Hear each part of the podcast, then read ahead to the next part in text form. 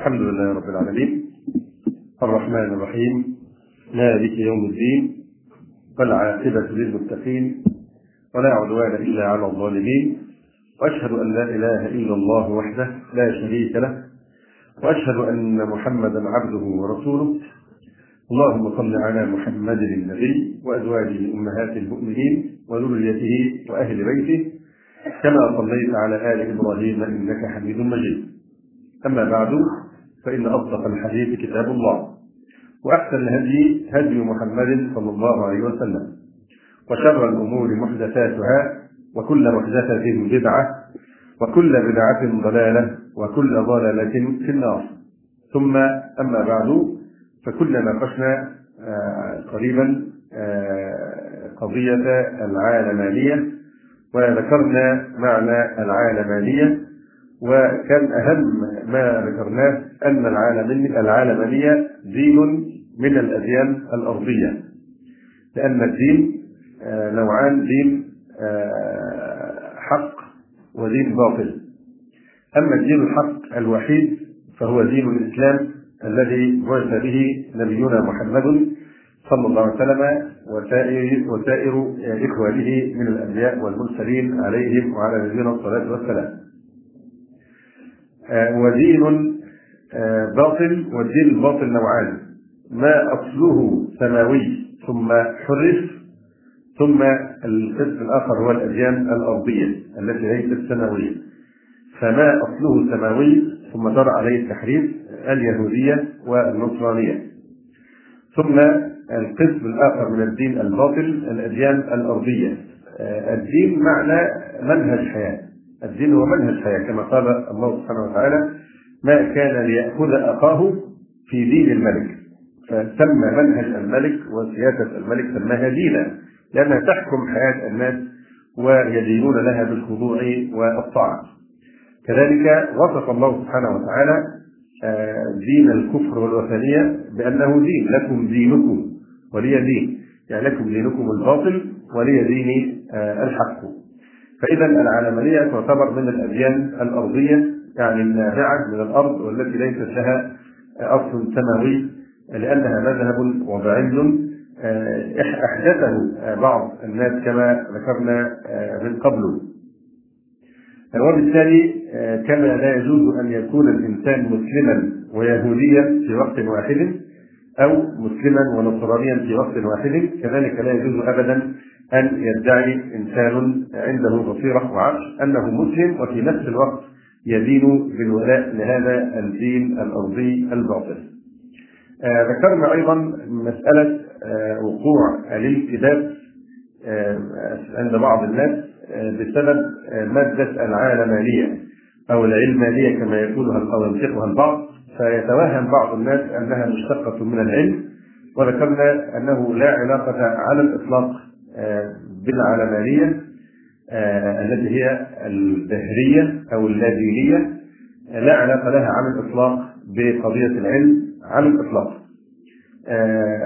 أيضا ناقشنا موقف الإسلام من العلم وبينا أن الإسلام لم يعرف أبدا تصادما بين الدين وبين حقائق العلم. ممكن يتصادم مع نظريات لكن مع حقائق هذا يستحيل.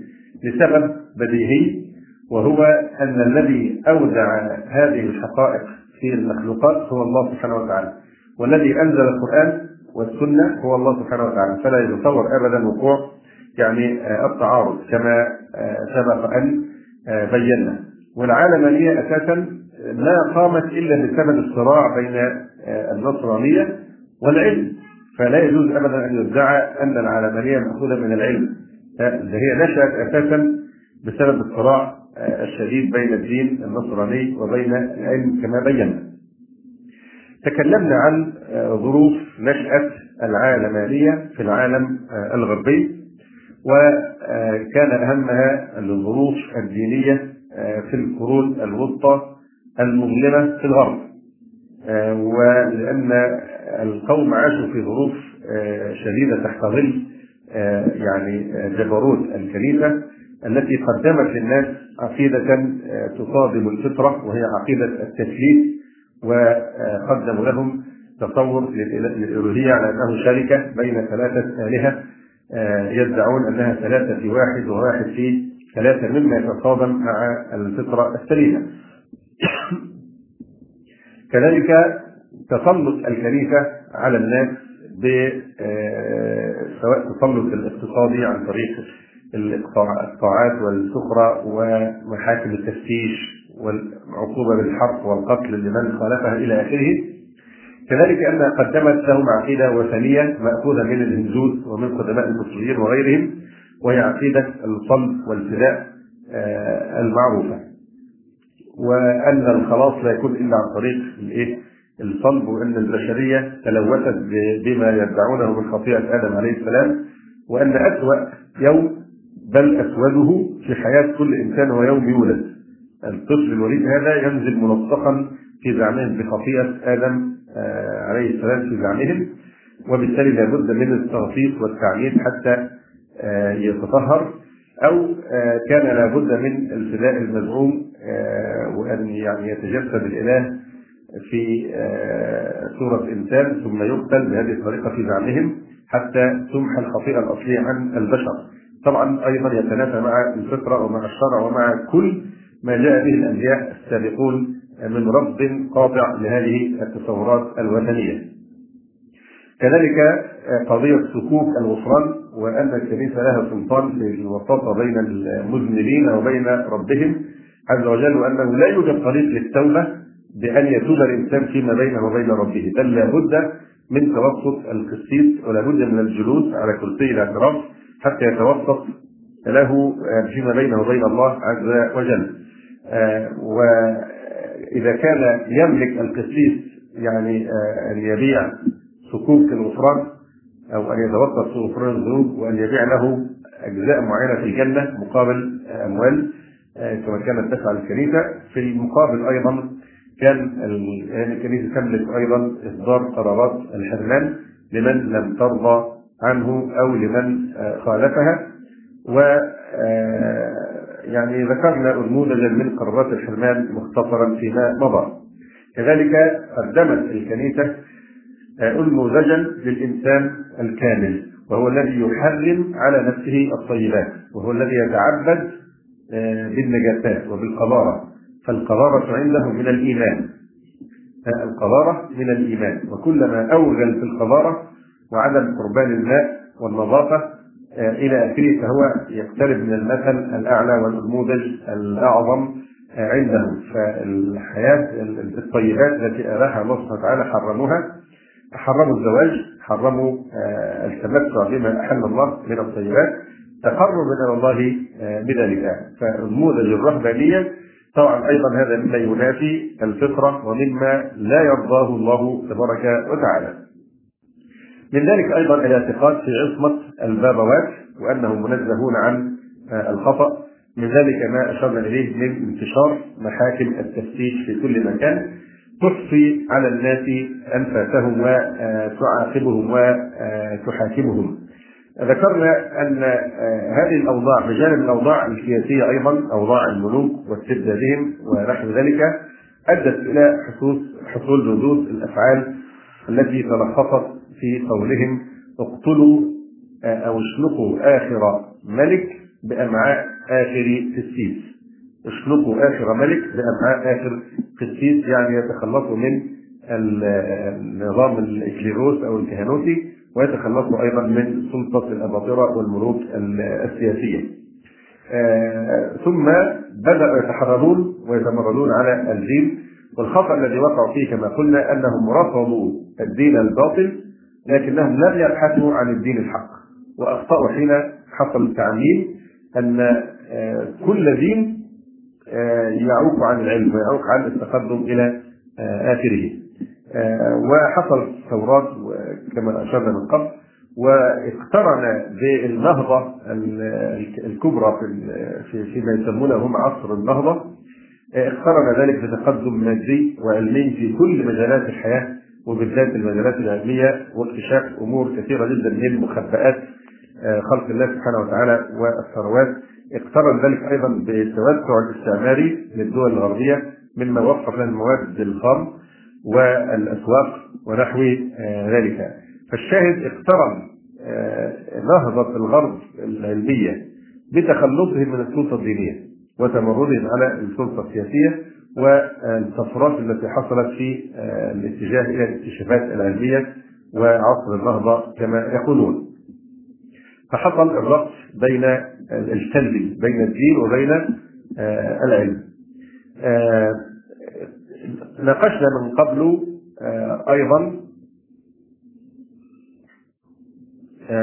قضية المسوغات أو ما يقال الآن مبررات ظهور العالمانية في العالم الغربي النصراني. إن هناك فعلا بعض المسوغات تبرر تبرر لنا انتشار العلمانيه في العالم الغربي. ما هي هذه المبررات؟ أولها أن الديانة النصرانيه قابلة قابلة للقسمة أن تنقسم الحياة جزء لقيصر وجزء لله ويعتمدون أو ينسبون إلى المسيح عليه السلام قوله اعط ما لقيصر لقيصر وما لله لله. يعني النصرانية قابلة نتيجة هذا النص إلى الفصل بين السلطة الزمنية والسلطة الروحية أو بين الدين وبين السياسة. هذا شيء لا يتنافى مع عقيدتهم. واضح أنهم عندهم هذا الفصل. فهي أصلا مبدا ليس جديدا بل عندهم القابلية الفصل بين الدين وبين واقع الحياة خاصة وان النصرانيه ليس فيها شريعة. هي عبارة عن روحانيات مواعظ وأشياء من هذا القبيل. لكن غلب عليها هذه النواحي الروحية والأخلاقية وليس فيها شريعة بمعنى مستقل كما تلاحظ مثلا في الشريعة الإسلامية. في كل صغيرة وكبيرة من مظاهر الحياة والتدين يوجد حكم لله سبحانه وتعالى يعبد الإنسان ربه به. أيضا تصور النصرانية عن الإله ليس كما نعرفه نحن في الإسلام عن الله سبحانه وتعالى. وإن كان كلمة تصور كلمة فيها نوع من التسامح يعني هي الاعتقاد في الله عز وجل. فالاعتقاد في الله عندهم ليس كما نعرفه نحن أنه واحد أحد فرد صمد وسع كل شيء علما وأحصى كل شيء عددا وأنه لا حول ولا قوة إلا بالله لا حركة ولا أي شيء يحصل في هذا الوجود إلا بإذن الله عز وجل ما تطرق عين ولا ينبض قلب ولا تسقط ورقة ولا تتحرك موجة ولا ولا إلى آخره من كل أحداث الوجود إلا بعلم الله وقدرته وإرادته عز وجل. أما عند النصارى فتصورهم للألوهية مثل تصور ارسطو للإله. وهو أن هذا الإله لا يعلم غير ذاته. لا يعلم غير ذاته ولا يدري عما في الكون شيئا. فهو كما قال ويل ديوران مؤرخ الحضارة والفلسفة إله مسكين أشبه بملك الإنكليز يملك ولا يحكم إله معزول تماما عن الحياة لا شريعة لا أمر لا نهي لا حلال لا حرام فهذا إله عاجز مسكين تماما مثل ملك الإيه؟ انجلترا يملك ولا يحكم. ليس له أن يتدخل في الحياة العملية. بعباره أخرى يزعمون ده اللي بيتفضل يعني ويثبت توحيد الربوبية أن الله عز وجل هو الخالق. وده أحيانا تجاوزا بعض الناس يسمونه الإيمان. وهذا لا ليس هو الإيمان. توحيد الربوبية ليس ايمانا. وليس فضلا للإنسان انه يعترف لأنه إيه؟ ينبغي أن يتوحد المؤمنون من جميع الأديان. على أساس إن إيه؟ يعني ضد الإلحاد مثلا. يعني لأن القاسم المشترك بين هؤلاء المزعومين بأنهم مؤمنون ايمانهم بوجود الإله. فالإيمان بوجود الله لا ينجي من دخول جهنم. وإلا لكان أبو جهل مؤمنا ولكان أبو لهب مؤمنا ولكان كفار قريش مؤمنين. لأن هؤلاء جميعا كانوا يقولون لا رب إلا الله. والقول بأن لا رب إلا الله هذا لا يجعل الإنسان مؤمنا إنما الذي يجعله مؤمنا هو لا إله إلا الله. لا رب إلا الله يعني أنك تثبت أنه لم يخلق ولم يرزق ولا يحيي ولا يميت ولا يدبر أمور الكون إلا الله عز وجل وحده. فهذا آه، كان المشركون يقولون به ولئن سألتهم من خلق السماوات والأرض لا يقولون الله. أما التوحيد المنجي فهو توحيد الألوهية أن تثبت أنه لا إله إلا الله عز وجل. يعني لا يستحق أن يعبد إلا الله وبالتالي لا توجه العبادة إلى غير الله عز وجل. فهم يزعمون أن الإله ده اللي هم بيثبتوا توحيد الربوبية لأنهم معظمهم ملاحدة الذين لهم ولا يفكرون في الدين وعندهم كفر الاعراض وكفر الدهريين. وبعضهم ده اللي بيسموهم المؤمنين وهذا التسميه غير صحيحة يؤمنون بوجود الله يؤمنون بوجود الله عز وجل. لكنهم يعتقدون أن الله بالنسبة لهذا العالم خلقه ثم حركه ثم تركه. خلقه ثم حركه ثم تركه بعد ذلك. أما الإسلام فلا يعرف ابدا هذا الاعتقاد في الألوهية. الإسلام لا يقبل تلك الثنائية التي عرفها الدين النصراني لماذا؟ لأن قيصرا ليس ندا لله، قيصر ليس ندا لله، فما ينفعش نقول دعنا لقيصر لقيصر وما لله لله، لأن قيصر وملك قيصر بل الدنيا كلها يعني بمن فيها هم عبيد لله عز وجل يحكم لله. كما أن الإسلام يعد الشرك في الحكم كالشرك في العبادة، كما قال عز وجل: ألا له الخلق والأمر. ألا له الخلق والأمر. كما أنه لم يخلق إلا الله عز وجل فبالتالي لا يستحق أن يشرع ويأمر ويحل ويحرم إلا الله تبارك وتعالى. فمن يخلق هو الذي يحكم. واضح؟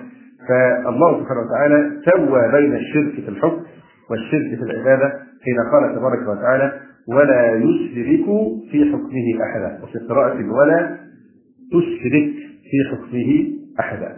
قال أيضا في العبادة فمن كان يرجو لقاء ربه فليعمل عملا صالحا ولا يشرك بعباده ربه أحدا. في شرك في العبادة وهناك شرك في الحكم.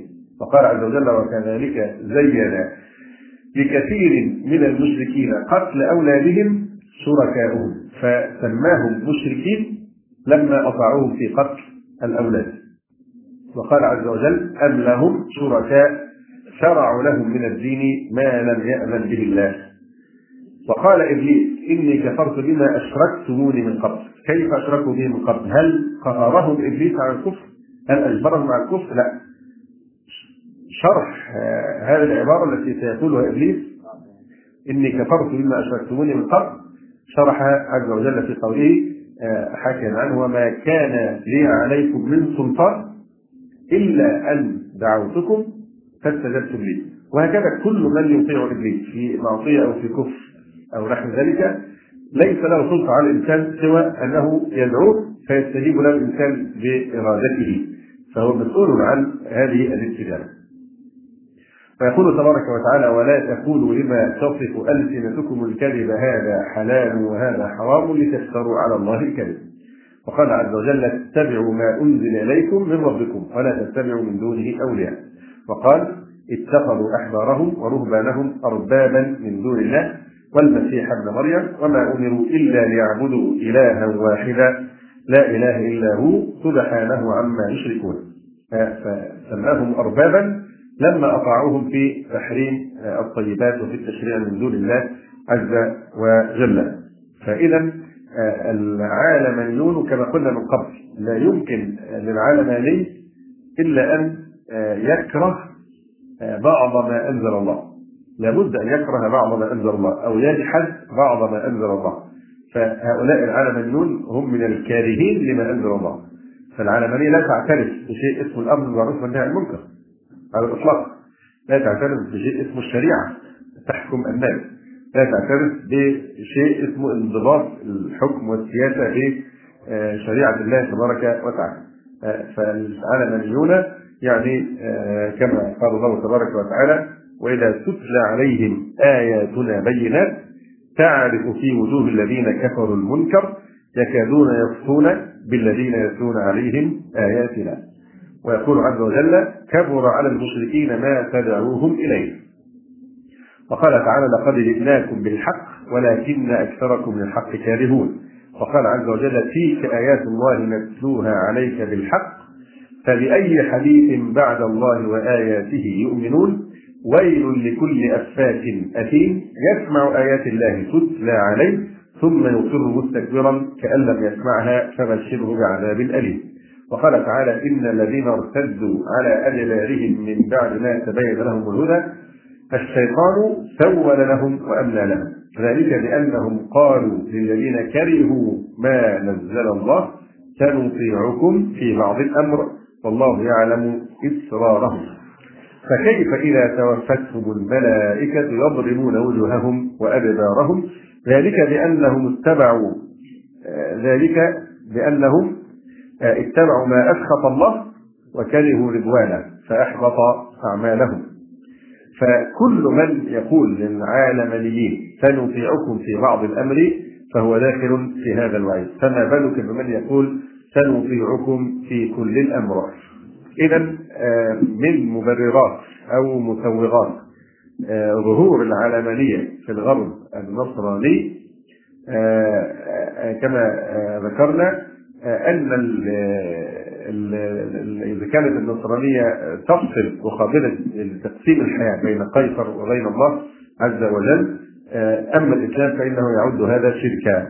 إن الحكم إلا لله. أمر ألا تعبدوا إلا إياه. ذلك الدين القيم ولكن أكثر الناس لا يعلمون.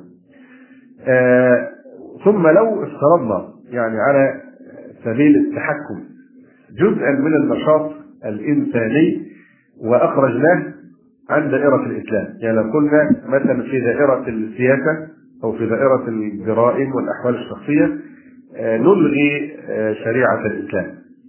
إذا من أين نتلقى مفاهيم ومناهج وقيم وموازين وتشريعات هذا الجزء؟ وهو إذا عطلت شريعة الله فلابد أن هذه المجالات تحكم بشرع آخر. ويحصل يعني تلقي عن غير الله واتباع لغير رسول الله صلى الله عليه وآله وسلم. وهذا لا يقول به مسلم.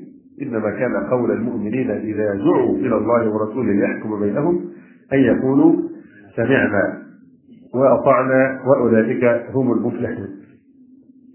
أيضا من هذه المسوغات أنه ليس في النصرانية شريعة مفصلة لشؤون الحياة إنما هي كما ذكرنا روحانيات وأخلاقيات أما الإسلام فإن أحكامه تصحب الإنسان. لا أقول منذ أن يولد لا قبل أن يولد.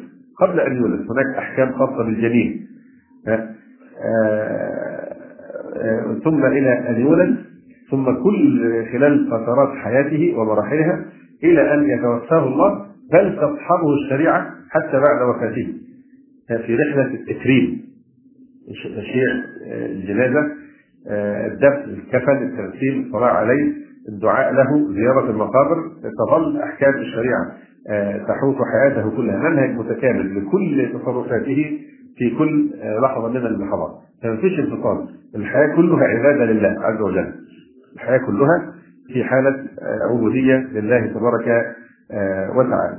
فالإسلام نظم حياة الفرد نظم أوضاع الأسرة نظم المعاملات بكل أنواعها بين الناس نظم أمور الإدارة أمور المال أمور السياسة الشرعية نظم العلاقة بين الراعي والرعية ونظم العلاقات الدولية بين الدولة الإسلامية وغيرها. يعني الإسلام يترقى من ابتداء من فقه الطهارة إلى أن يصل إلى ذروة سلام الإسلام وهو فقه الجهاد في سبيل الله تبارك وتعالى.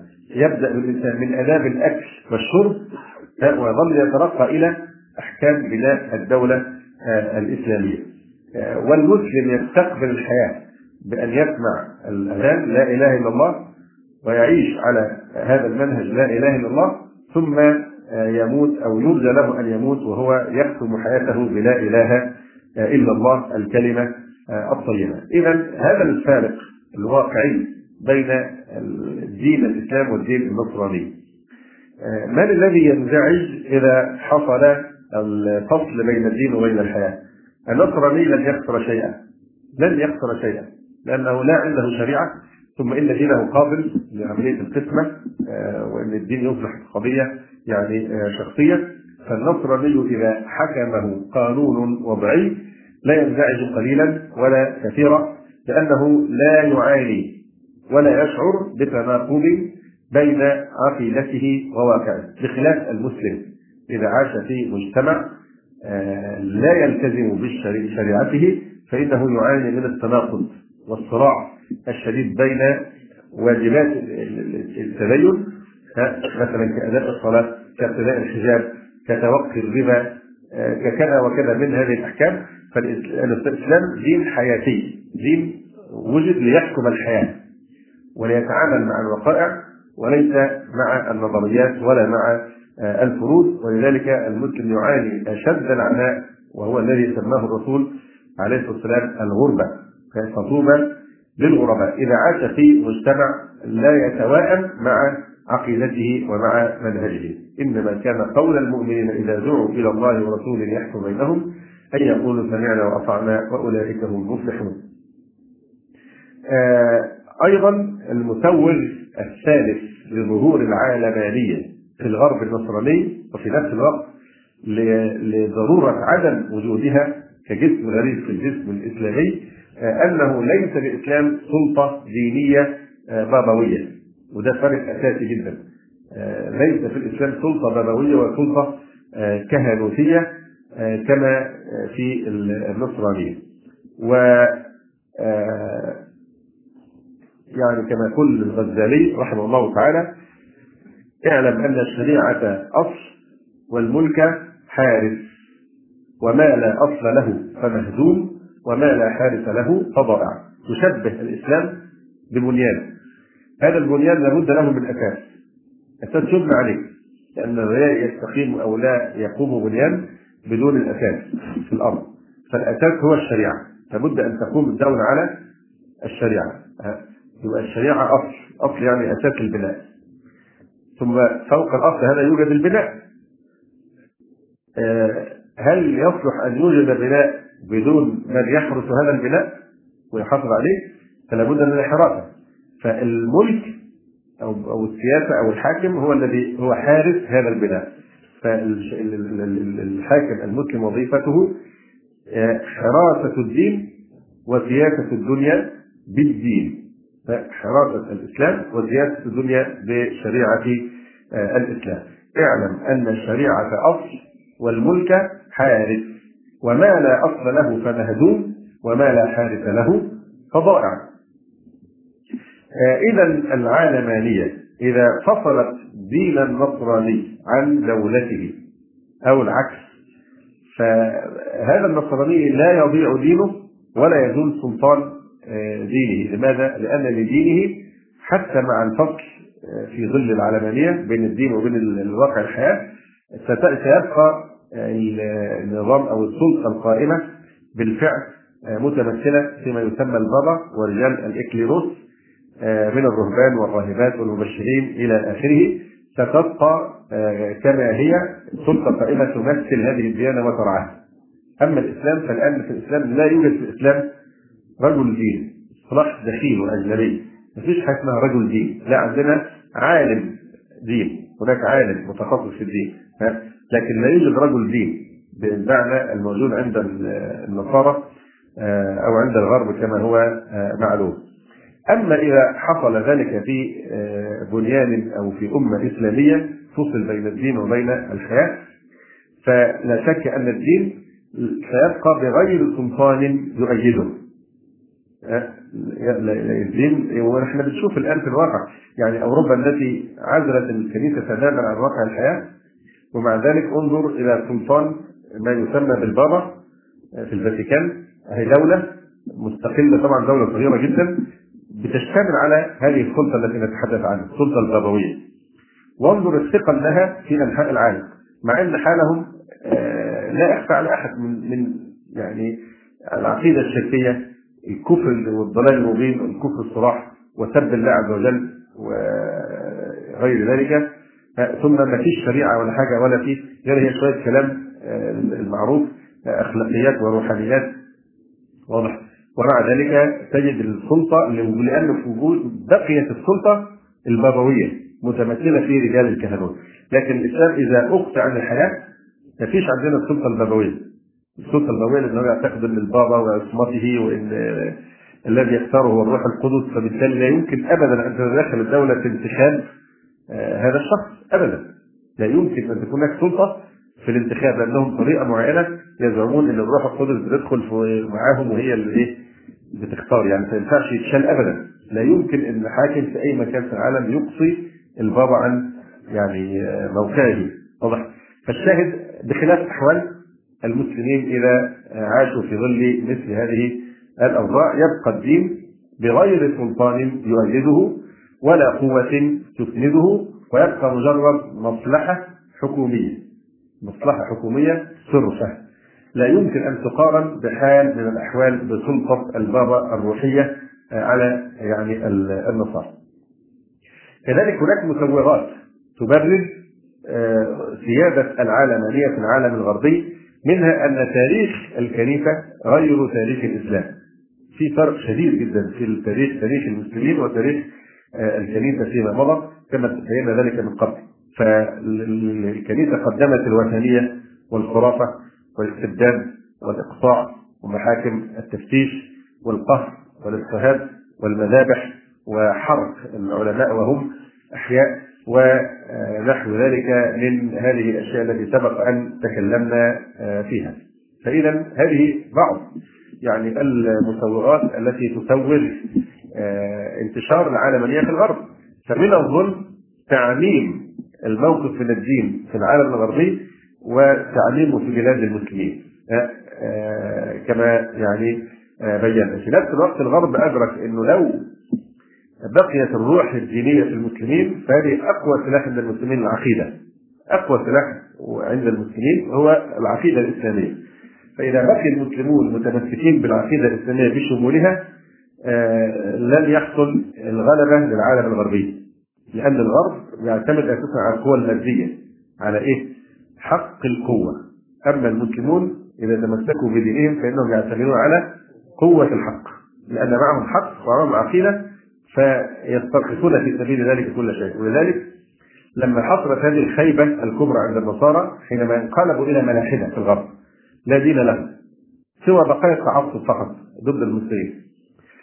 خشي القوم إنه إذا قامت الدعوة الإسلامية في بلاد المسلمين على ساقها وعلى عودها فيترجح تترجح كفة المسلمين بوجود العقيدة الإسلامية. فمن ثم اجتهدوا في نشر العلمانيه حتى نصبح في الهوى سواء. لكنهم يغلبوننا بالإيه؟ بالقوة المادية كما حصل الآن. وحصل الإضعاف للمسلمين وفرض التخلف عن المسلمين. وأن وحفزهم على أن يفقدوا الثقة في قدراتهم وفي إمكاناتهم. وإن دول ما بيعرفوش يبتكروا ودول ناس جهلة وناس كذا وكذا. وهذا نوع من الخداع كما بينا ان كل الحضارة الغربية وكل المنهج العلمي في البداية هو سرق من المسلمين. فالشاهد أن التخلف الذي فيه المسلمون ليس لضعف امكاناتهم بل هو بسبب إنه في تقصير طبعا من جهة من الجهات عند المسلمين لكن في عامل اخر هو أن التخلف مفروض والآن طبعا هو مفروض بطريقة رسمية بطريقة رسمية إن الغرب وبالذات الشيطان الأكبر رعاة البقر نظام الفتوات. هو نفس نظام الفتوات بتاع أو قطاع الطرق أو الكاوبوي هو نفس النظام اللي عملوه مع ملايين الهنود الحمر القهر والبطش والإبادة. نفس الأسلوب ما زال يعني يريدون أن يحكموا بالعالم في ظل العولمة. ف فمنع تحريم طبعا أنواع معينة من التكنولوجيا تشجيع النظام الاستهلاكي. إن إحنا نستهلك فقط. واضح؟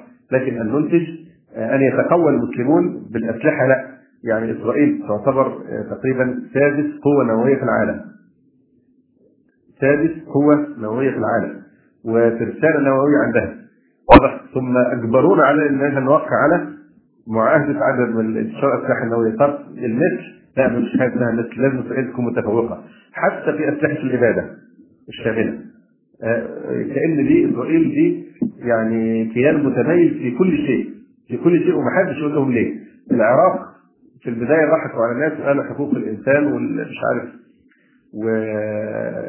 وتحرير الكويت وهذه الأشياء وادعوا إن دلوقتي إحنا في عصر العولمة. فالمفروض الأمم المتحدة بقى لها نظام لها يعني آه، سلطة بحيث تتدخل بالقوة لتحسم الصراعات. طيب الامه المتحدة هي خيال مآتة. ماذا؟ هل هؤلاء الذين يذبحون في فلسطين ليسوا من البشر؟ هل دماء اليهود دماء وهؤلاء دماؤهم ماء؟ ماء بيسيل من الصنابير؟ فالتمييز واضح وفضحت الحضارة الغربية وكل سوءاتها انكشفت.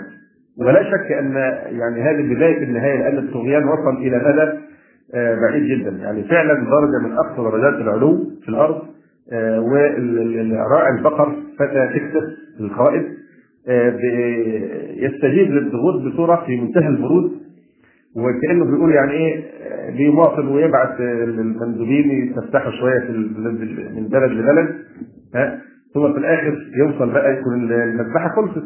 فشاروني يكون شد حلو في الكام يوم دول وخلص بقى المهم ها وتشوف التحدي لهذا المجرم شارون. التحدي مش تحدي اللي هو اتفاق بينهم طبعا لأن أمريكا أعطته الضوء الأخضر في هذه الجرائم. فدول مش مش إنسان دول يعني الفلسطينيين ولهم حقوق الإنسان أم أن هذا فقط يعني يختص بغير المسلمين. آه لا نريد الخروج عن موضوعنا. آه لكن عموما نعود إلى القناطر أو المجاري آه التي انتقلت من خلالها العالمانية إلى البلاد الإسلامية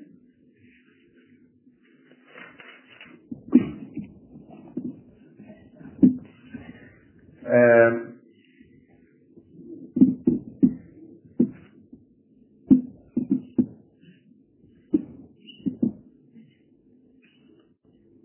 فالمسائل الوسائل أو المجاري التي انتقلت منها العالمانيه إلى البلاد الإسلامية تتركز أساسا في ثلاثة وسائل. أولها المستشرقون. المستشرقون كانوا أحد القنوات التي من خلالها عبرت العالمانية إلى العالم الإسلامي. والمستشرقون أساسا حركة الاستشراق هي حركة حافلة تجمع بين الحقد والجهل أو يحكمها الحقد ويحكمها آه، الجهل.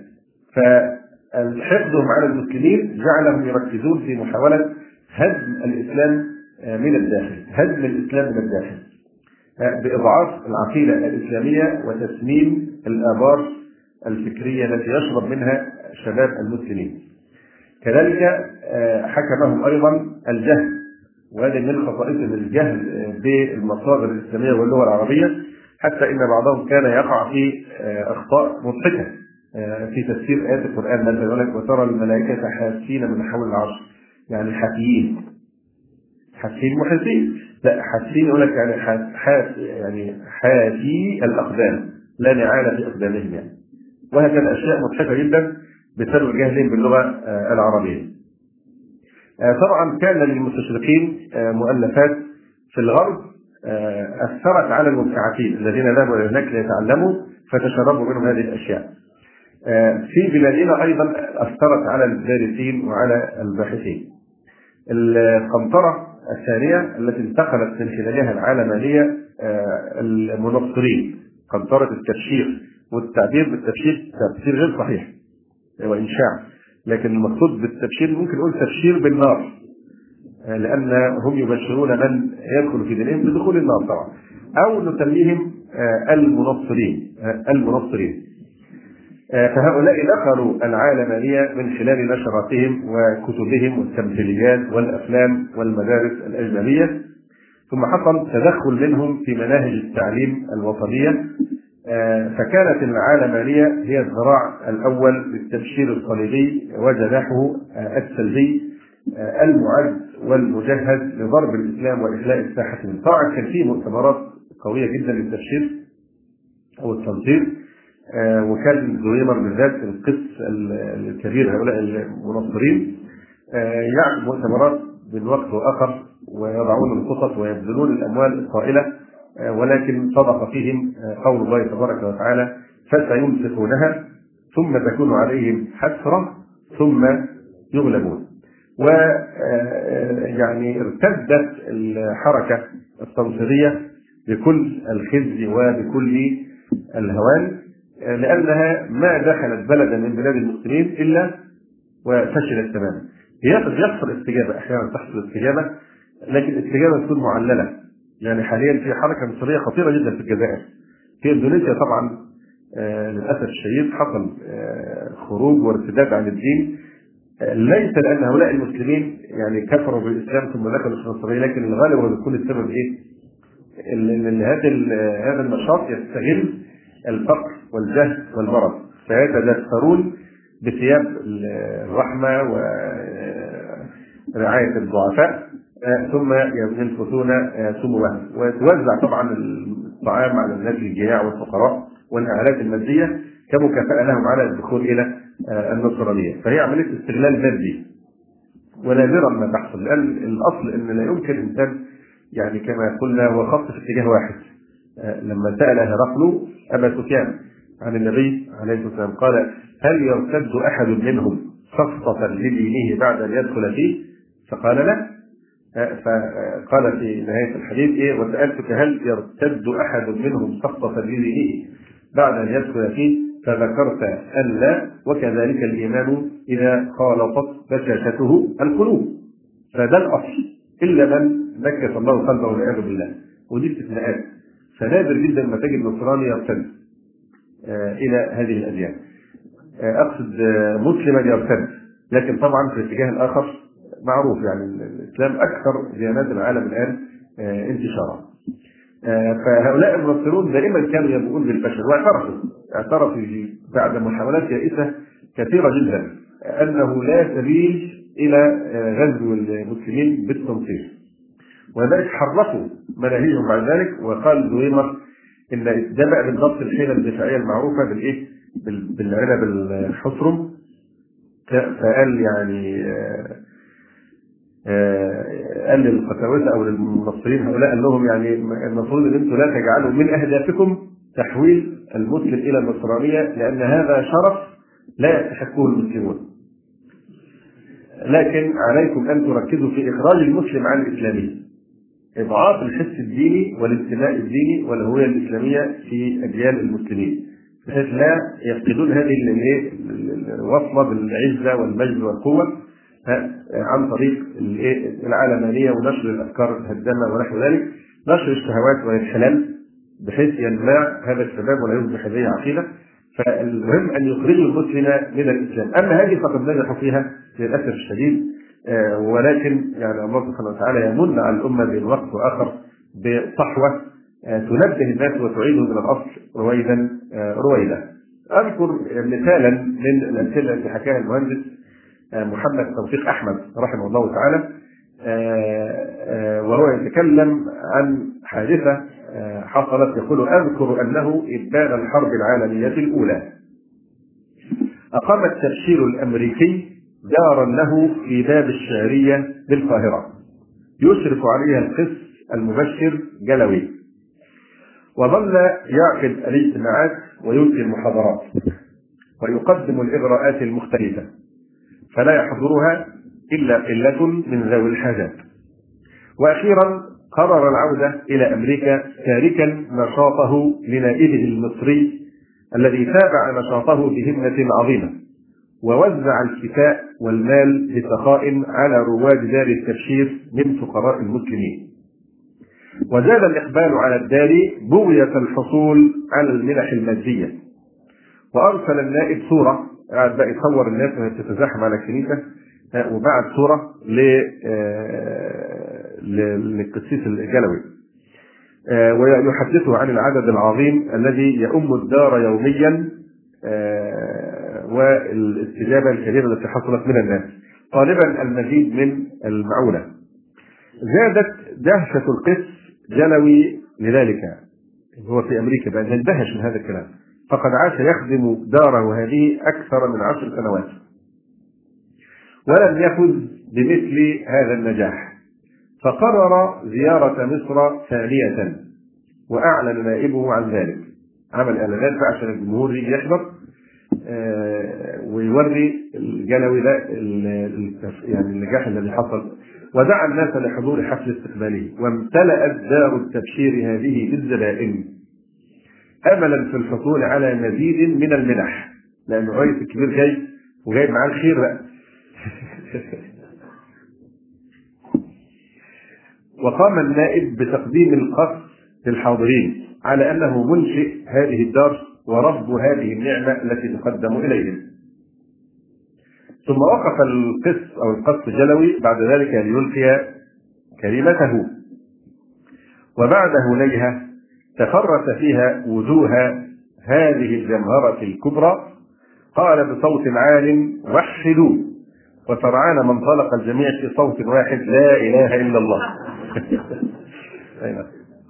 فنظر إلى نائبه نظرة عتاب على ما أنفقه لهؤلاء القوم من أموال. ثم تكلم كلمة عامة عن المحبة.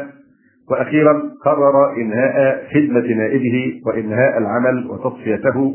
وعاد إلى أمريكا يجر اجيال الخيبات فده نموذج من النماذج إن التنصير يفشل لكنهم نجحوا في تمييع المسلم وإخراجه من عقيدته إلا ما شاء الله تبارك وتعالى. حادثة أخرى حكيتها لكم مرارا وهي حادثة طائفة من المسلمين في إندونيسيا. آه، نفس الشيء جابوه من الكنيسه واستغلوا الجهل والفقر والمرض وأعطوهم هذه المعونات والناس في شده من الفقر. فطبعا الجماعه المسلمين هؤلاء أعوام المسلمين يعني طاوعوهم أظهروا الانقياد عشان ياخذوا المعلوم. آه، ف آه، ومن خطوة إلى خطوة ظل يترقى بهم أو ينحط بهم إلى أن دخلوا في النصرانيه ثم أقام لهم احتفالا بهذه المناسبة وأراد أن يكافئهم على أنهم يعني أتموا الخطوات إلى آخرها. فقال لهم الآن يعني كل واحد منكم يطلب أمنية نحققها له مكافأة له. كلهم قالوا في صوت واحد الحج إلى مكة. فيعني الشاهد ده كلام واقعي طبعا ليست يعني مجرد قصص مختلقة والواقع قصص كثير في هذا فبالتالي هم يئسوا يئسوا لأن لا يمكن يعني حتى بالعكس إذا كان هم يخرجون من دين النصرانيه افواجا افواجا بالملايين ويعني يفزعون إلى الإسلام. وهجرت النصرانية الكنائس هناك في الغرب آه، تؤجر آه، للفواحش آه، تؤجر كنوادي ليلية إلى آخره. أو تباع واحيانا بيبيعوها كمساجد للمسلمين يعملوها مساجد بدون أي حساسية لأن ما فيش عقيدة يغروا عليها. مهم الفلوس.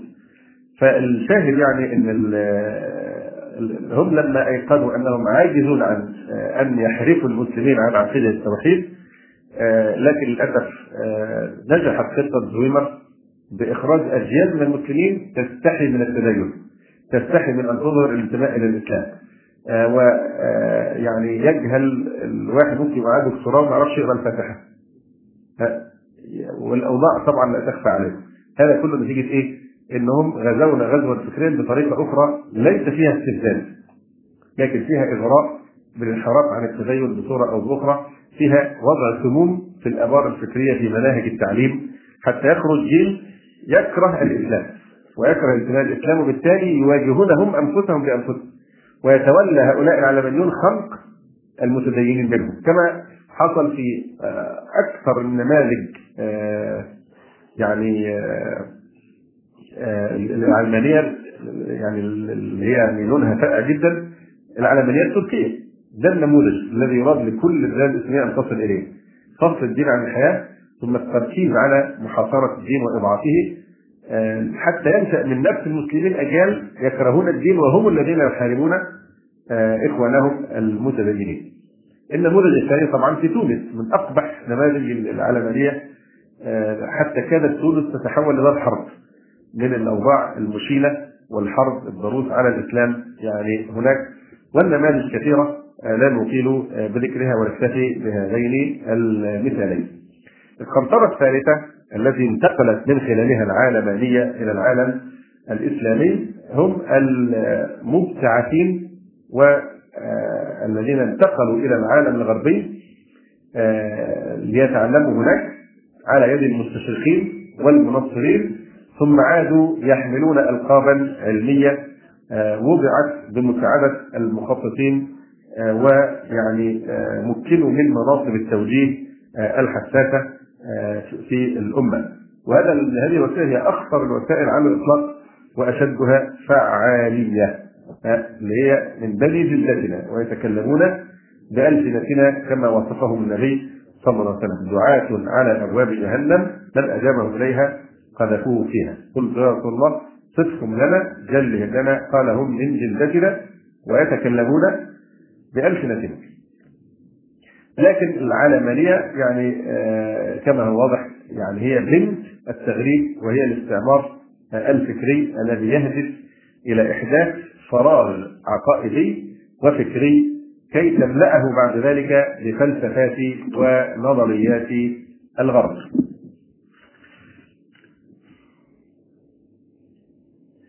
أيضا من خصائص العالمانية أنها ترفع ما وضعه الله. الشيء اللي ربنا سبحانه وتعالى حقره هي ترفع شأنه. وتقرب ما أقصاه الله. فالله سبحانه وتعالى مثلا يبعد المشركين ويضعهم بقوله إنما المشركون نجس. إنما المشركون نجس. هذا أمر يتعلق بمبدأ الولاء والبراء. أما العالمية فنقول لا في حرية الإيه؟ العقيدة بمعنى ممكن مسلم يرتد عن دينه. لا حرج دي مسألة اختيار بحث. كذلك الرسول عليه الصلاة والسلام يقول من بدل دينه فاقتلوه.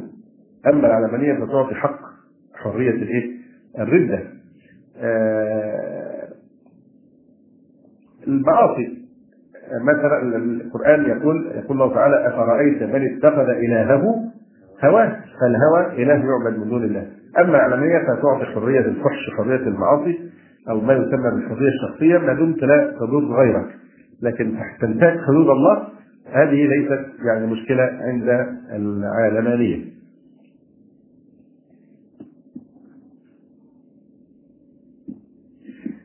من أكثر الأشياء والفروق الجوهرية ودي فخ بيقع فيه كثير من الناس اللي بيسموهم مثقفين وفضلا عن غيرهم وهو أن العلمانيه تضخم جدا الحياة الدنيا وتزينها وتجعلها هي البداية وهي النهاية. واضح؟ لأن العلمانيه كما قلنا مأخوذة من كلمه العالم يعني الإيه؟ الدنيوية بقطع النظر عن الآخرة والغيب مالناش دعوة بالدين والغيب دي أشياء مش داخلة في كلامنا لكن عند العلمانيه العالمانيه كما قلنا منسوبه إلى إيه؟ العالم يعني الدنيوية فقط بقطع النظر ونسيان وإهمال الآخرة أو إنكارها ليست مشكلة. فحينما يقول الله سبحانه أو فبينما يقول الله تبارك وتعالى إنما الحياة الدنيا لاعب ولهو وزينة وتفاخر بينكم وتكاثر في الأموال والأولاد. إلى آخر الآيات. ويقول النبي صلى الله عليه وسلم مثلي ومثل الدنيا كراكب قال قيلولة تحت شجرة ثم راح وتركها. ويقول اعلموا ويقول الله تبارك وتعالى وإن الدار الآخرة لهي الحيوان لو كانوا يعلمون. الحيوان دي نفس معنى الحياة بس ده مذكر ودي مؤنث. الحيوان مذكر والحياة مؤنث. وقال صلى الله عليه وسلم من كان همه الآخرة جمع الله شمله وجعل غناه في قلبه وأتته الدنيا وهي راغبة. ومن كانت نيته الدنيا فرق الله عليه ضيعته وجعل فقره بين عينيه ولم يأته من الدنيا إلا ما كتب له. فالدنيا معروف موقعها في العقيدة الإسلامية. أما العلمانية فالدنيا وطن وليست قنطرة. كما جاء في بعض الآثار الدنيا قنطرة فاعبروها ولا تعمروها. فاعبروها ولا تعمروها. أما العلمانية تقول لا الدنيا وطن وليست قنطرة. بل لا وطن بعد الدنيا. لأن هي هي دي كل شيء الدنيا. يقول الله تعالى إن الذين لا يرجون لقاءنا ورضوا بالحياة الدنيا واطمأنوا بها. والذين هم عن آياتنا غافلون أولئك مأواهم النار بما كانوا يكسبون. ويقول تعالى أولئك يدعون إلى النار والله يدعو إلى الجنة والمغفرة بإذنه. ويصفهم تبارك وتعالى بقوله فرحوا بما عندهم من العلم. أي علم. ولكن أكثر الناس لا يعلمون يعلمون ظاهرا من الحياة الدنيا وهم عن الآخرة غافلون. يعلمون ظاهرا من الحياة الدنيا. آه، يشتغلون فقط بالأسباب الحسية أو تفسير الأمور بطريقة سطحية.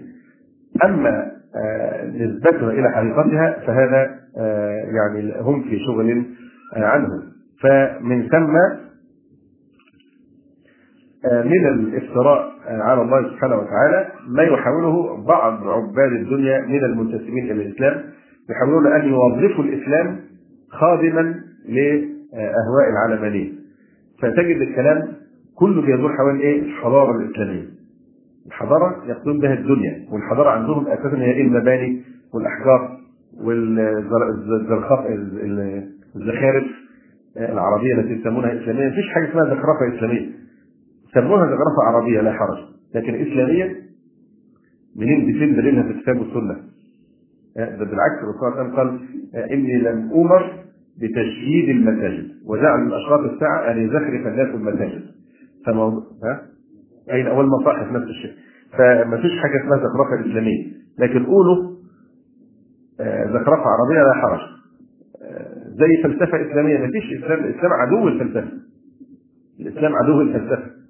فكيف تكون فلسفه إسلامية؟ وليس للمسلمين فلاسفه الشاهد يعني أن القوم آه، يقصرون كلامهم دائما على المظاهر المادية على المظاهر المادية ويقطعون النظر عن جوهر الحضارة الإسلامية.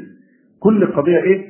المباني القديمة آه، إحنا عندنا حضارة وحجارة وزخارف ومش عارف إيه وعملنا كذا في كذا. فكل الكلام على خدمة الدنيا وعلى تعمير الدنيا. جوهر الحضاره الإسلامية ليس تعمير الدنيا ولكن إخراج الناس من الظلمات إلى النور.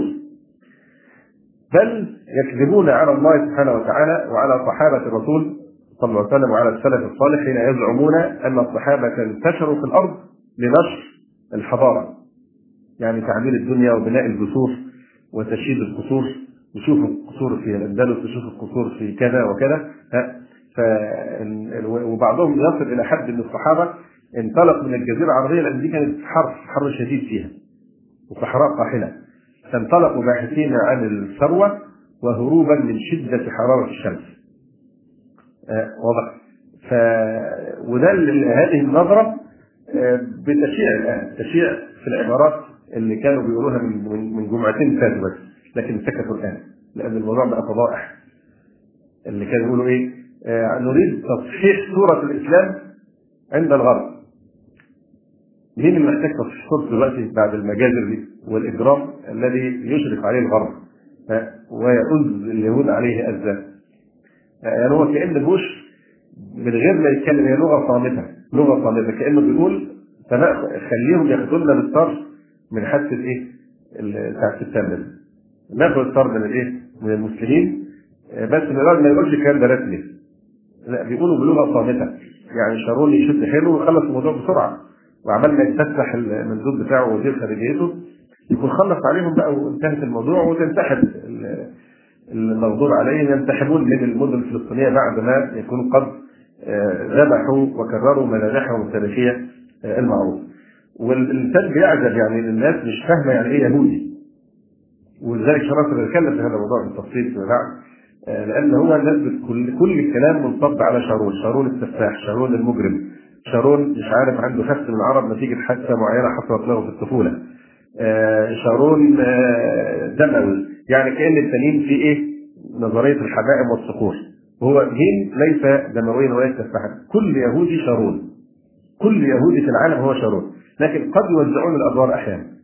يقول لك جماعة السلام الآن طب وجماعة السلام الآن دي اليهود اللي هم بيقولوا السلام الآن جايين منين؟ من الذي أتى بهم إلى فلسطين؟ تركوا بلادهم وأتوا إلى فلسطين، هم أصلا جايين من هم أصلا متطفلين وهم لصوص أيضا ومجرمون آه يعني أتوا إلى آه بلاد المسلمين. فالشاهد يعني إن كما قلت من قبل هي تركيبة الشخصية اليهودية تركيبة ثابتة، كلهم مجرمون. والدليل واضح جدا في القرآن الكريم. أن الله سبحانه وتعالى خاطب اليهود المعاصرين للنبي صلى الله عليه وسلم بجرائم أبائهم وأجدادهم. فهم الذين خاطبهم الله بقوله وإذ قتلتم نفسا فادارأتم فيها وإذ قلتم يا موسى لن نصبر على طعام واحد وإذ قلتم كذا وإذ أخذنا ميثاقكم ثم أنتم هؤلاء تفعلون كذا وكذا. الخطاب كله موجه لمين؟ لبني إسرائيل في عهد النبي صلى الله عليه وسلم الذين كانوا موجودين في المدينة. مع أنهم لم يفعلوا. مش هم اللي قتلوا مش هم اللي عملوا لكن الخطاب لهم لأنهم على نفس السيرة التي كانت لآبائهم. والواقع العملي ايد ذلك. حرصهم على قتل الأنبياء وحاولوا قتل النبي عليه الصلاة والسلام. ونجحوا من قبل في قتل يحيى ونجحوا في قتل زكريا عليه السلام. وحاولوا قتل المسيح عليه السلام فرفعه الله. فالاجرام اليهودي ده شيء مغروس فيهم وما يستطيعون التخلص منه. ودي أمة حكم الله عليها بالغضب. أمة التي غضب الله عليها. المغضوب عليهم. ولذلك يعذبهم الله. حتى هم هم ما هم فيه من العلو هم في أشد العذاب. يحلمون بالأمان ولا يجدون الأمان. واذ تأذن ربك ليبعثن عليهم إلى يوم القيامة من يتهمون سوء العذاب. وبعدين شوف جرائم طبيعة الجرائم اليهودية صحيح طبيعة غير عادية. يعني ممكن دول أخرى أو الناس من نوع آخر يحاربون مش هقول يكون عندهم رحمة لكن مش بالإجرام بتاع اليهود. مش بنفس التلذذ بالقتل. أهو بيقتل وخلاص لكن ده أنت كده حوادث مثلا زي قلنا محمد الدره مثلا ها إزاي انه سابوا الولد ساعة كاملة؟ ساعة كاملة. قاعدين ينشنوا عليه. واضح. وأبوه يعني في حالة الفزع المعروفة هو تلذذ بالإيه؟ بالقتل. وفي نفس الوقت دي سياسة اليهود دايما في إرهاب الآخرين. كل سياستهم تخويف الآخرين حتى يتركوا بلادهم ويهربوا كما حصل في 48 بيجن والعصابات بتاعته كانت تنزل زي زير ياسين ويعملوا مذابح لغرض إرهاب الناس حتى يفزعوا ويهربوا من البلاد. وده اللي موجود الآن. الضغط عليهم ليهربوا من هذه يعني الاماكن فشوف كيف الساعة كاملة بينشنوا على البلد إلى أن نزل في آخر فترة ويعني مات. تماما نفس الأسلوب الإجرامي حادثه جولدشتاين لما هاجم المسجد الخليلي في الخليل. وقتل المصلين وهم يصلون في صلاة الفجر. مفيش حاجة أخلاق ولا حرمة لشيء ولا ولا يعرفون أي قانون ولا عهد ولا شيء من ذلك. انظر إلى القتل كيف يقتل المسلم ثم قتل هو بعد ذلك حتى تختفي الجريمة. في جنازة يعني جولدشتاين هذا عمل كأنه بطل قومي. وكان اليهود اللي بيشيعوا الجنازة يعني في حالة من التشنج شديدة جدا والحماس والعصبية. يعني إيه؟ تعظيما لهذا البطل الذي قتل المصلين وهم ساجدين طب ده نوع من الجبن إنك ناس ساجده راكعه تقتلها بهذه الطريقة. واضح؟ فالشاهد يعني الحوادث اليهودية دائما في القتل هي تتسم كما قلنا بالجبن من جهة والجبن الشديد وفي نفس الوقت الإجرام سلوك يهودي هو الإجرام يهودي. فكلهم مجرمون وكلهم شارون. ده شارون ده نموذج وهم نسخ من هذا النموذج يعني فنسأل الله سبحانه وتعالى يعني أن يرد كيده في نحورهم وأن يسلط عليهم من يسومهم سوء العذاب. يقول الله تعالى وإذ وإذ قال ربك للملائكة إني جاعل في الأرض خليفة فالمسألة هي أن الإنسان مستخلف في الأرض من قبل الله تبارك وتعالى. هو الذي هو أنشأكم في الأرض واستعمركم فيها. هو الذي جعل لكم الأرض ذلولا فامشوا في مناكبها وكلوا من رزقه وإليه النشور. فامشوا في مناكبها وكلوا من رزقه. يعني أن تمشوا. لكن في الذكر قال إيه؟ فاسعوا. فاسعوا إلى ذكر الله. واضح؟ آه فيعني الإنسان يعني صحيح يطلب الدنيا لكن برفق ويتمهل. ولا يعني يعني إيه يعني يستميت في تحصيل الدنيا.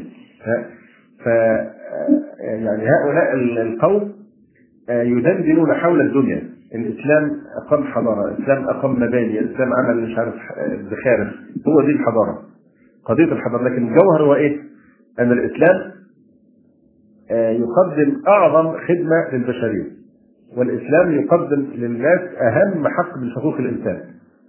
أهم حق من حقوق الاسلام الإنسان هو الا يحول أحد بينه وبين دين الحق اللي هو دين الإنسان بتشويه أو بحرب أو بصد عن سبيل الله. لماذا؟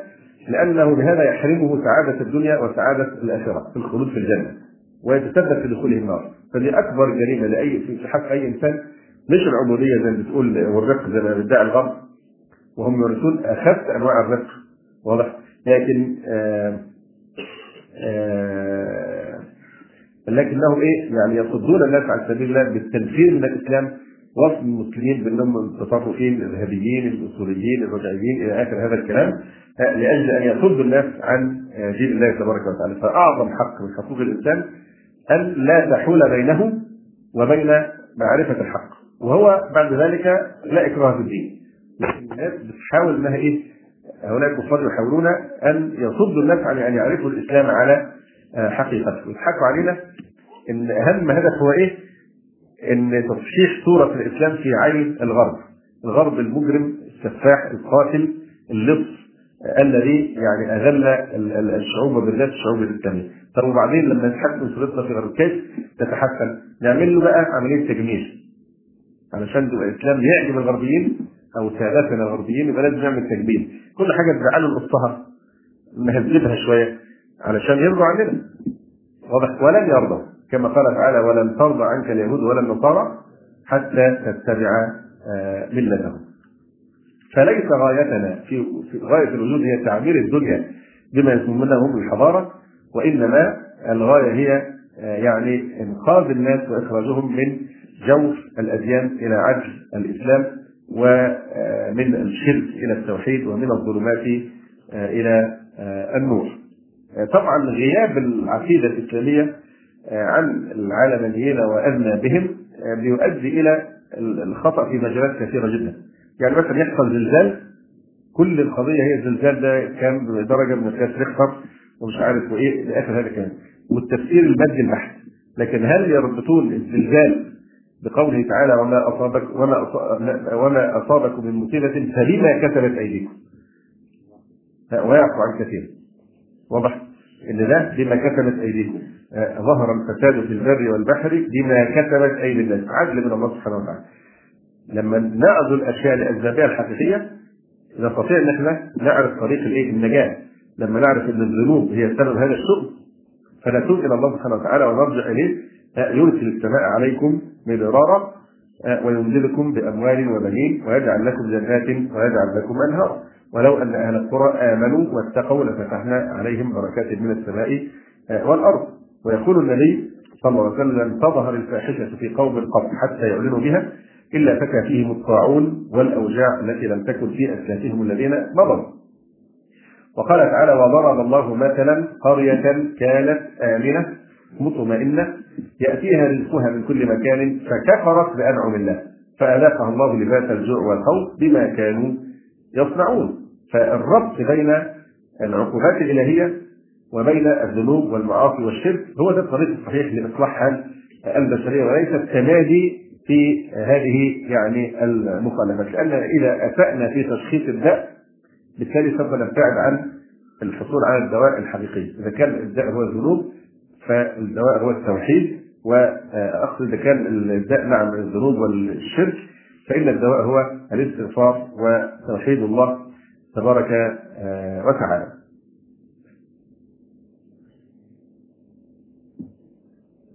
فيسمون الأشياء بغير اسمها. غض البصر أو الاستعفاف كف.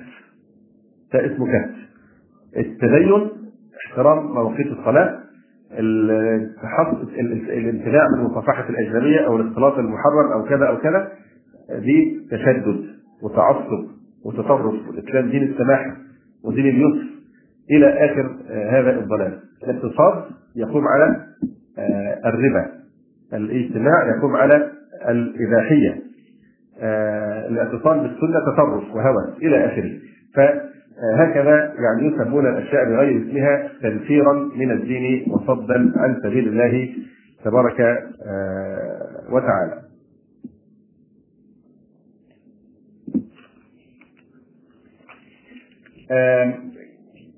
أيضا العالمانيه كما قلنا باختصار هي دعوة إلى حكم الجاهلية كما قال الله تبارك وتعالى أفحكم الجاهلية يبغون ومن أحسن من الله حكما لقوم يوقنون فهي أبغض شيء إليها الدعوة إلى الحكم بما أنزل الله تبارك وتعالى.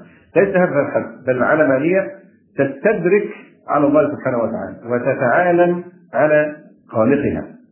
تتعالم على خالقها. الحدود الإسلامية الصارمة أو أحيانا يكون ملاحدها الوحشية أو إن الإسلام هو سبب تأخر آه، المسلمين. واضح؟ فطبعا آه، كل هذا كفر بواح. فالعلمانيه تتعالى وتتكبر وتستدرك على الله عز وجل آه، وتتجرأ بالطعن في شريعته وأحكامه. من ملامح الانقياد لهذا الدخول في هذا الدين الارضي الباطل آه، وتطبيق هذا الطاغوت العصري يعني المسلم إذا كان قاضيا في ظل العلمانيه لا يستطيع أن يحكم بما أنزل الله. آه، المسلم إذا عاش في ظل العلمانيه المشؤومة يجد المعاملات الربوية تحيط به كالأخطبوط من كل جانب. إذا كان موظفا أو طالبا مواقيت الصلاة لا تراعى ولا تجدول الأنشطة حسب بحيث لا تتعارض مع مواقيت الصلاة بل يبلغ الإجرام من من بعض العالميين إلى حد إن تضيق عليهم الدنيا ولا تعقد امتحانات إلا في وقت صلاة الجمعة. في وقت صلاة الجمعة يحصل في بعض الكليات هذا الإجرام والتحدي لدين الله سبحانه وتعالى. إذا رأى المسلم منكرا لا يستطيع أن ينكره لأن الحرية الشخصية كذلك لا يستطيع أن يأمر بالمعروف. لا يستطيع أن يوالي أو يعادي على أساس العقيدة لأن العلمانيه ترفض العقيدة أساسا للانتماء وللولاء والبراء. فيحرم المسلم من التدين المفروض عليه في كل مجالات حياته. لكن يباح له التدين الشعائري التقليدي في إطار من القيود والأغلال. فيحبسون الدين في القفص الصدري. الدين يبقى فقط داخل القفص الصدري أو خلف جدران المساجد. ولا بأس من بعض المظاهر الدينية في الموالد والمآتم. لا بأس آه، من بعض المظاهر الدينية في دنيا الدراويش والمجاديد وفي عالم الخرافة والأساطير. لكن لا يمكن أن يسمحوا للدين بقيادة سفينة المجتمع أو توجيه شؤون الحياة. إذا العالمانيه تعني تفريغ الإسلام من مضمونه. فيصبح هيكل جامع لا قيمة له خارجي. تفريغ الإسلام من مضمونه وتصفية الوجود الإسلامي آه، الحقيقي بحيث لا يبقى له قدرة ولا سلطان ولا حرية إلا إذا كان خادما للسلطة آه، القائمة. بالتالي هل يمكن للإسلام أن يقف من العالمانية موقفا محايدا إذا كانت هي تحاربه هذه الحرب الظالمة. فالإسلام فلأن العالمانية لا يمكن أن تقف مع الإسلام موقفا محايدا لأنهما دينان دينان آه، متصادمان. فالإسلام يواجهها ويتحداها بشموله لكل جوانب الحياة مادية ومعنوية فردية واجتماعية ثم إن العلمانية لا تسلم له بهذا الشمول ومن ثم لا مفر من الاصطدام بين هذين الدينين لأن قيصر ليس شريكا لله بل لله من وما في السماوات والأرض. وما وقيصر وما لقيصر كله لله فلا يجوز أن يستولي قيصر على جزء من الحياة ويوجهها بعيدا عن هدى الله صبغة الله ومن أحسن من الله صبغة ونحن له عابدون. آه، فالإسلام لا يقبل أن يحتل الهامش الهامش في صفحة الحياة. لا الإسلام يقول أنه لابد أن يكون هو صلب آه، صفحة هذه الحياة. لا يرضى أن يكون فضلا بل لابد أن يكون هو العمدة والأساس.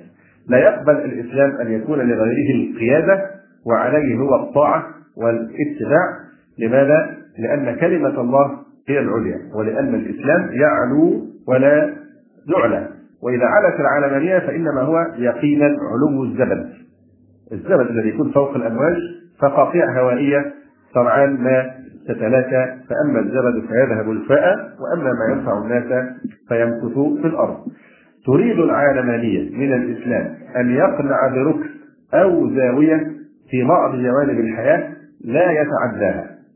و آه، وتعتبر إن هذا تفضل منها على الإسلام أن تسمح له البقاء في هذه الزوايا.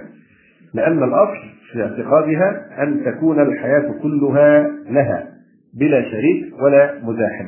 أما الإسلام فعليه أن يقنع بالحديث الديني في الإذاعة والتلفاز.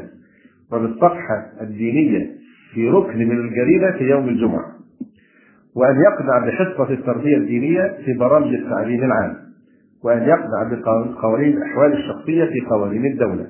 وأن يقنع بالمسجد في مؤسسات المجتمع. وأن يقنع بوزارة الأوقاف في أجهزة الحكومة ثم عليه أن يزجي جزيل الشكر والعرفان للعالمانية التي أتاحت له الفرصة لكي يطل من هذه النواحي. نقول للعلمانية إن الإسلام ليس ضيفا عليك وإنما هو صاحب الدار. أنتم أنت الداعية الذليلة اللقيطة. أما الإسلام فهو صاحب الدار وهو عقيدة يعني هذه الأمة. آه، كما قلنا العلمانية أيضا لها موقف متضاد مع العقيدة لأنه طبقا للحرية الدينية وحقوق الإنسان لا تنكر العلمانية على الناس آه، أن يؤمنوا بالله ورسوله واليوم آه، الآخر. آه، لكنها ترفض اتخاذ العقيدة أساسا للولاء والبراء كما ذكرنا. فتقدم على رابطة العقيدة رابطة الدم والعنصر والتراب والطين. أما الإسلام فالأمر واضح جدا يقول الله تبارك وتعالى قد كانت لكم أسوة حسنة في إبراهيم والذين معه إذ قالوا لقومهم إنا لقومهم من بني جلدتهم إنا براء منكم ومما تعبدون من دون الله كفرنا بكم وبدا بيننا وبينكم العداوة والبغضاء أبدا حتى تؤمنوا بالله وحده. وقال تعالى يا نوح إنه ليس من أهلك إنه عمل غير صالح مع أنه من صلبه لكن لما خالفه في العقيدة ليس من أهله. وقال تعالى ومن يتولهم منكم فإنه منهم. ويقول تعالى يا أيها الذين آمنوا من يرتد منكم عن دينه فسوف يأتي الله بقوم يحبهم ويحبون أذلة على المؤمنين أعزة على الكافرين. آه العالمية ترفض أن ينزل المسلمون على حكم الله ورسوله صلى الله عليه وسلم. فلا وربك لا يؤمنون حتى يحكموك فيما شجر بينهم ثم لا يجدوا في أنفسهم حرجا مما قضيت ويسلموا تسليما. أما الإسلام في دار الإسلام فلا يكتفي بأن تكون عقيدته مجرد شيء مسموح به. يعني العملية تقول التدين مسموح به بس في حدود معينة كما ذكرنا. آه، فالإسلام لا يقبل هذه هذه الدونية. لا يقبل أن تكون عقيدته وشعائره مجرد شيء مسموح به وليس محظورا كالمخدرات والسموم البيضاء لأن عقيدته هي روح الحياة وجوهر الوجود ومحور التربية والثقافة والإعلام والتشريع. كما ذكرنا يستقبل الطفل آه، في الوضع الإسلامي أي الحياة بالتوحيد بالأذان في أذنه. ويودعها بالتوحيد. وفيما بين الميلاد والوفاة يعيش بالتوحيد وللتوحيد التزاما ودعوة وجهادا وهذه هي الحرية آه، الحقيقية. آه، إذا نظرنا لأي مجتمع عنده تصور اعتقادي معين نرى أنه يصدق المجتمع بعقيدته. ف آه، يعني كيف يرضى الإسلام بوضع هو دون هذه العقائد يعني الكافرة فالإسلام لا يقبل أن يكون في قلب داره وعز سلطانه مجرد شيء مأذون فيه لا غبار على من آمن به ولا حرج على من تركه وإنما آه، يعني الإسلام كما قلنا هو يعني الصلب وهو الأساس. المسلم في الواقع العالماني يعاني من التناقض بين عقيدته وبين الواقع للأسباب التي ذكرناها من قبل. الواقع العقيدة تشرق والواقع يغرب عقيدته تحرم والعلمانية تبيح. عقيدته تلزم والعلمانية تعارض. أما بالنسبة للعبادة ففي العلمانية أو الدين العلماني أداء العبادات الدينية جزء من الحرية الدينية. لكن العلمانية لا تعتبر العبادة هي المهمة أو المهمة الأولى للإنسان. ويعني يعبد ما يعبدش يتدين ما يتدينش دي قضية شخصية. مثل يحب نوع من الحلوى أو من الفواكه أو الألوان دي أذواق. فكل واحد وذوقه. إذا كان يريد يرغب في التدين فهو شيء مباح مش مخدرات من النوع. لكنها تلزم وتحاسب لا. ف والله سبحانه وتعالى يقول وما خلقت الجن والإنس إلا ليعبدون. العالمانية لا تقيم نظامها التربوي ولا الاعلامي على غرس هذا المعنى معنى الدعوة إلى توحيد الله تبارك وتعالى. ولا تنظم الحياة الاجتماعية والاقتصادية موافقة للعبادات ومواقفها. ولا تجعل الالتزام بالفرائض أي أثر في الترشيح للمناصب. يعني ما تطلبش مثلا المدير الفلاني أو الشخص الفلاني أن يكون مقيما للصلاة. لا ده ساعات يا حبذا يكون بصفات معينة. لكن يقيم الصلاة مثلا حسن السلوك إسلاميا إلى آخره؟ لا. هذه لا تشترط في الإنسان. يعني تفرق بين السلوك الشخصي والسلوك الاجتماعي. كذلك ترى أن ترك المجاهرة بترك الصلاة والزكاة ونحو ذلك أمر لا يستوجب المساءلة. برضه لأنها قضية شخصية. بخلاف في المجتمع الإسلامي في ولاية الصلاة ولاية الزكاة ولاية الحج تحاسب الناس. وتحاسبهم على التخلف عن الشعائر الإسلامية. مثلا في العالمية المهم أداء الضرائب أما الزكاة فما في مشكلة. ما فيش حد يطالب الناس بالزكاة ولا ملامة على من لا يؤدي الزكاة. في الأخلاق العالمانية تتبع الحضارة الغربية بالذات في قضية العلاقة بين الرجال والنساء يعني تتبعها شبرا بشبر وذراعا بذراع في الشريعة العالمانيون لا يقدرون الله حق قدره ولا يرجون لله وقارا. فقد تعترف لله بالخلق لكن لا تعترف له بالأمر والله سبحانه وتعالى أبطل هذا بقوله ألا له الخلق والأمر تبارك الله رب العالمين. تعطي الإنسان العالمية تعطي الإنسان حق نفس شريعة الله. فتحل وتحرم وتسقط وتعطل الفرائض.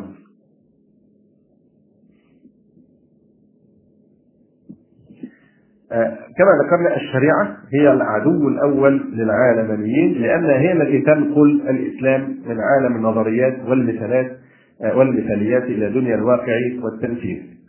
ويقول عثمان رضي الله عنه إن الله لا يزع بالسلطان ما لا يزع بالقرآن. ويتجلى العداء السافر للعالمانية حين يعارض الإسلام خصائص الحضارة الغربية مثل تحريم الربا تحريم الخمر تحديد الجزاء على الجرائم بالجلد والقطع ونحوه فالعالميون ينظرون إلى الإسلام كعقيدة خارجة عن ذواتهم لا يشعرون بحرارة الغيرة عليها. يفصلون الدين عن الحياة ليسهله ضربه بعد حصاره في ركن ضيق وقتله حتى بعد أن يستسلم للخطة العالمانية. فالإسلام دين حياتي وهو يتجمد إذا فصل عن الحياة بكل نشاطاتها لأنه لن يجد سلطة كنسيه تقوم به بعد فصله عن مؤسسات المجتمع. يلاحظ في كتابات العالمانيين روح الورع والإيمان والإجلال لرسول الله صلى الله عليه وسلم. فأسلوب كتابه العالمانيين عن الإسلام ينم عن عدم إيمان به بل عن احتقار له فهناك فرق بين من يكتب في الإسلام وهو مؤمن به ويغار عليه وبين من يكتب عنه بلا إيمان كعقيدة بدوية بشرية الأصل تشبه عقائد القبائل البدائية أذكر مثال من هذه الأمثلة والأمثلة كثيرة جدا في واقعنا لكن باختصار الشخص الذي سماه أبوه أحمد بهاء الدين. اسم جميل للأسف. أحمد بهاء الدين. بيقول إيه أحمد بهاء الدين؟ يقول في في في هذا تصريح قديم يعني. يقول لابد شوفوا بقى العلمانية في أجل في أقبح صورها. يقول لابد من مواجهة الدعوات الإسلامية. في أيامنا مواجهة شجاعه بعيدا عن اللف والدوران. وإن الإسلام كغيره من الأديان، شوف روح الاستعلاء والاحتقار للإسلام. وإن الإسلام كغيره من الأديان يتضمن قيما خلقية يمكن أن تستمد كنوع من وازع الضمير. أما ما جاء فيه من أحكام وتشريعات دنيوية فقد كانت من قبيل ضرب المثل ومن باب تنظيم حياه نزلت في مجتمع بدائي إلى حد كبير ومن ثم فهي لا تلزم عصرنا ومجتمعنا. يبقى ده بقى ياخد الختم ولا ما ياخدوش؟ هو اللي بيقول أنا مش مسلم وأنا أعادي الإسلام. لا أصل في ناس بتقول يعني لما تكفر واحد زي كده مثلا بيتكلم بهذه الصراحة. يعني هو أصلا مش مش يعني مش بيقول أنت بتكفرني ده هو أصلا أنا أنا فخور بالكفر. ها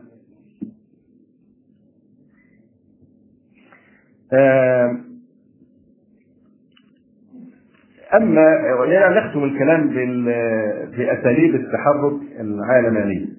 من أساليب العلمانيه في تحركها وتغلغلها كالسرطان في الجسد الأمة الالتصاق بالسلطة، الالتصاق الشديد بالسلطة بحيث يدخل الوصول لمراكز التأثير وتوجيهها في الخط المضاد للإسلام. كي يدخل عليهم الدس الإعلاء العلماني الرخيص.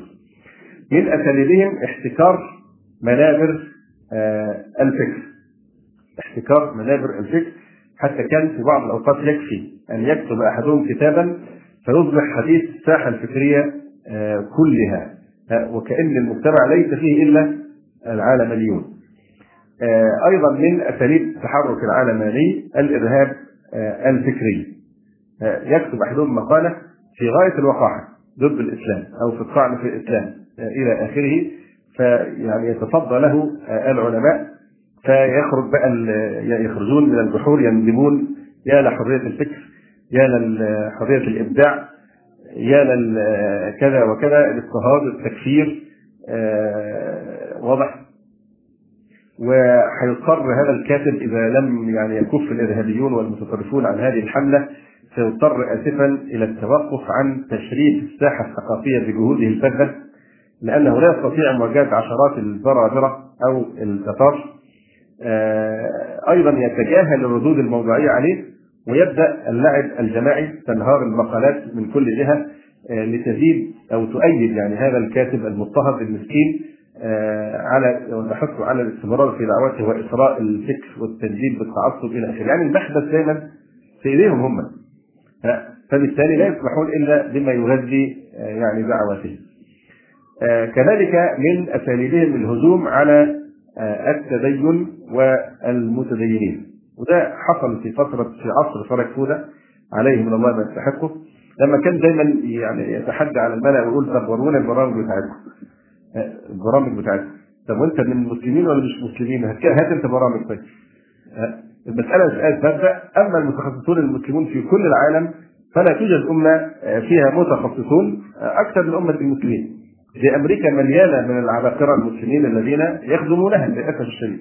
وأمريكا قائمة حضارتها وقوتها قائمة على العقول المهاجرة وإلا فهم من أغبى شعوب العالم من أغبى الشعوب إلا من رحم الله. بالدخول في الإسلام طبعا. فال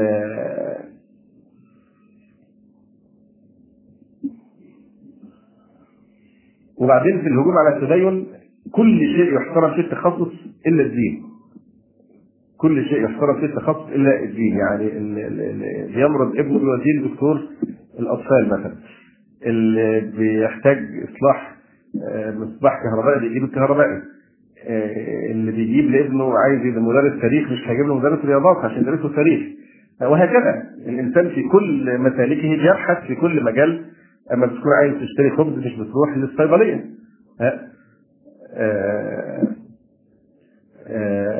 إلا في الدين. كل واحد من حقه أن يعتدي على هذا النهب المباح. الدين مباح كل واحد يتكلم. مش كده وبس ده أصبح الناس اللي كانوا في قمة التخصص بين طرفة عين وانتباهاتها صاروا آه ناس ما بيفهموش ولا زي ما حصل مع الشيخ عطية فقط. بين يوم وليلة. سبحان مغير الأحوال. بعد ما الشيخ رأس يعني لجنة الفتوى أعلى لجنة في الفتوى في مصر في الأزهر بين يوم وليلة شيء غريب جدا حصلت هذه الطفرة وخرجوا من الجحور وكل واحد بقى هو شيخ الإسلام ويتطاول على العلماء وعلى الباحثين طب اشمعنى التدين يعني نهب مباح لكل من أراد أن يعني يشتم أو يعتدي على دين الله تبارك وتعالى. أي نعم. كذلك يقوم التحرك العالماني على الدعوة إلى التحريف تحريف الدين. نريد تجديد الخطاب الديني. نريد إعادة تفسير الإسلام ليتمشى مع العصر. آه، آه، وبعدين بيجدوا ثغرات بقى الكلام في مفهوم الاجتهاد الديني. الاجتهاد ومن خلال الاجتهاد يدخلون يعني أسموا أحيانا يدخلون الإصلاح الديني. والدين ليس قابلا للإصلاح أبدا. لأن الإصلاح ده لو كان مذهب بشري. أما الدين الإلهي فهو غير قابل للإصلاح لأنه هو الصلاح ذاته. نعم. أيضا من الأساليب بتاعتهم علمنة الإسلام. بدل ما يحاربوه حرب صريحة غسيل مخ للأجل إن الإسلام نفسه يبقى إيه علمنة وما يحفظون من الإسلام إلا حديث أنتم أعلم بأمور دنياكم أنتم أعلم بأمور دنياكم فإحنا بقى نحكم الدنيا بإيه؟ بكل ما نشاء بدليل هذا آه الحديث. طيب آه طبعا هذا الحديث له مناسبة في حديث التأبير آه النخل فهي ناحية زراعية ناحية فنية فقط من أمور الدنيا مش ناحية تشريعية. ثم أليس قائل الذي قال هذه العبارة عليه الصلاة والسلام هو هو آه الذي ما قبض حتى علم الأمة كل شيء وشرع لنا وبين لنا هذه الشريعة الحنفية السبحة.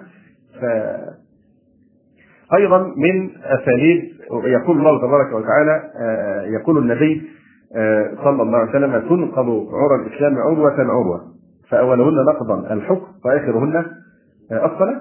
فهذا من عرى الإسلام. مش تقولوا فيه إن هو أنتم أعلم بشؤون دنياكم.